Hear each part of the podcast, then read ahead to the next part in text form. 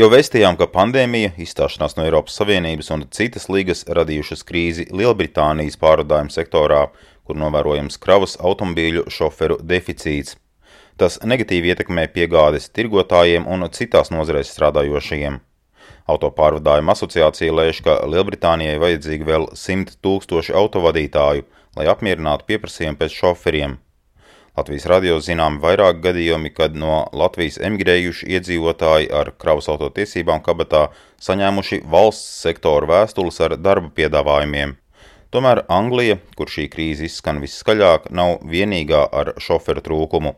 Arvien vairāk to izjūt arī Latvijas uzņēmēji. Ja man nav šoferis, tad man mašīna stāvēs pie uh, placa, nevar braukt, un tas mēs vispār ne, nevaram paņemt nekādu tam pasūtījumu. Nu, tā ir tīsa. Tas ir autopārvadājuma firmas Heders saimnieks un autopārvadātāju asociācijas padomas priekšsādātājs Arkādijs Prais.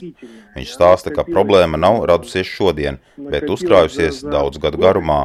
Ar kravas pārvadājumiem Praiss nodarbojas vairāk nekā 25 gadus. Tagad kravas šofera profesijai vairs nesot prestiža. Новое поколение категорически не хочет Jaunā paudze kategoriski negrib strādāt nozarē, kur nav komforta. Tālbraucēju darbs paredz ilgus komandējumus, būšanu prom no mājām, dzīvošanas nērtības. Jaunie vīrieši negrib mācīties par kraus mašīnu šoferiem, lai gan algas tagad ir pieklājīgas, un ir arī citi labumi, piemēram, iespēja nokļūt ārzemēs. Alga ir virs 1000 eiro un var arī sasniegt 2,5 tūkstošus. Latvijā ir 20 tūkstoši kravas auto licenču, bet mums mums nav 20 tūkstoši autovadītāju. Arkādijs Prais lēš, ka šoferu ir labija puse no licencēm, tāpēc preces uz Latviju ved ilgāk un ar kavējumiem, bet eksporta lietas, kokmateriālus, metālu, kūdru un citas mūsu kompānijas jau var izvēlēties – vest vai nevest, tādējādi audzējot cenas. Zinot uzņēmumu, kuram pie durvis stāvēja tam tukša mašīna, ja, jo nav, nav šoferis.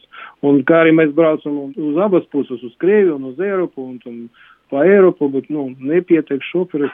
Banki mums iedeva jebkuru kredīti, lūdzu, nu, paņemiet jaunie mašīnu un tam strādājiet. Man katru dienu zvana cilvēki, es ņemu tikai to darbu, kas man patīk. Ne tā kā, būt, nu, ņemam jebkuru, jā. Šo iemeslu dēļ kompānijas cenšas nolīgt trešo valstu pilsoņus darbam Latvijā un starpvalstu pārvadājumiem. Ko par šoferu trūkumu saka nozares viens no līderiem - kompānijas Kreis vadītājs Andrejs Kuzņecovs. Firma mums ir nodaļa, kura nodarbojas ar meklēšanu, apmācību, tur legalizāciju un visu.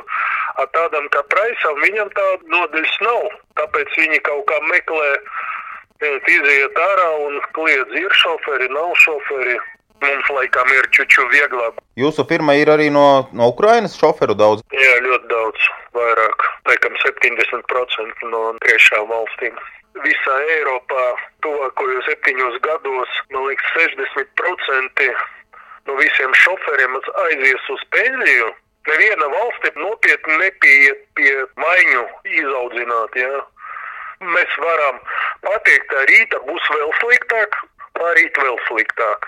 Autopārvadājuma firmas Heders saimnieks un autopārvadātāja asociācijas padomas priekšsēdētājs Prais stāsta, ka citās valstīs, piemēram Lietuvā un Polijā, trešo valstu darba spēku piesaisti ir vienkāršāka.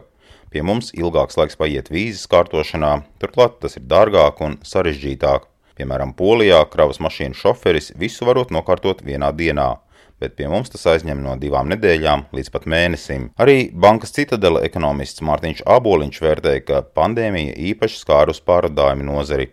Laiku aizņem formalitātes, apgrūtināta trešo valstu šoferu strādāšana pie mums, turklāt šie autovadītāji arī biežāk saslimst.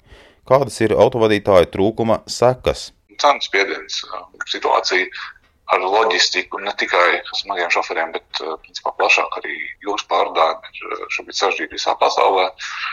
Trūkst jaudas un vienlaicīgi pieprasījums pēc dažādām precēm. Dēļ šis Covid pandēmijas joprojām ir ļoti spēcīgs, jo pakalpojumi daudzās vietās vēl nav pilnvērtīgi pieejami. Līdz ar to cilvēki tērē naudu vairāk precēm. Tas kopā ar tādiem pārāviem loģistikas cēdēs arī pagājušo gadu šobrīd radīs daudzās jomās iztrūkuma, daudz preču krājumu arī noliktavās relatīvi zemi. Līdz ar to gan rūpniecībā, gan attiecīgi arī loģistikā ir ļoti liels pieprasījums. Tādas uzkrātas struktūrāls problēmas ar pauģu maiņu šobrīd ir satieksme ļoti spēcīgu pieprasījumu. Tomēr situācija pie mums vēl būtiskāk varētu nokaitēt Lietuvas Nacionālās autopārvadātāju asociācijas Līnava paziņojums, ka arvien vairāk turienes uzņēmumu meklē iespējas biznesu pārcelt uz citām Eiropas valstīm, tajā skaitā Latviju, jo izjūta ne tikai šoferu trūkumu, bet arī kritizē nesakārtotu biznesa vidi kaimiņu valstī. Edgars Kupčs, Latvijas radio.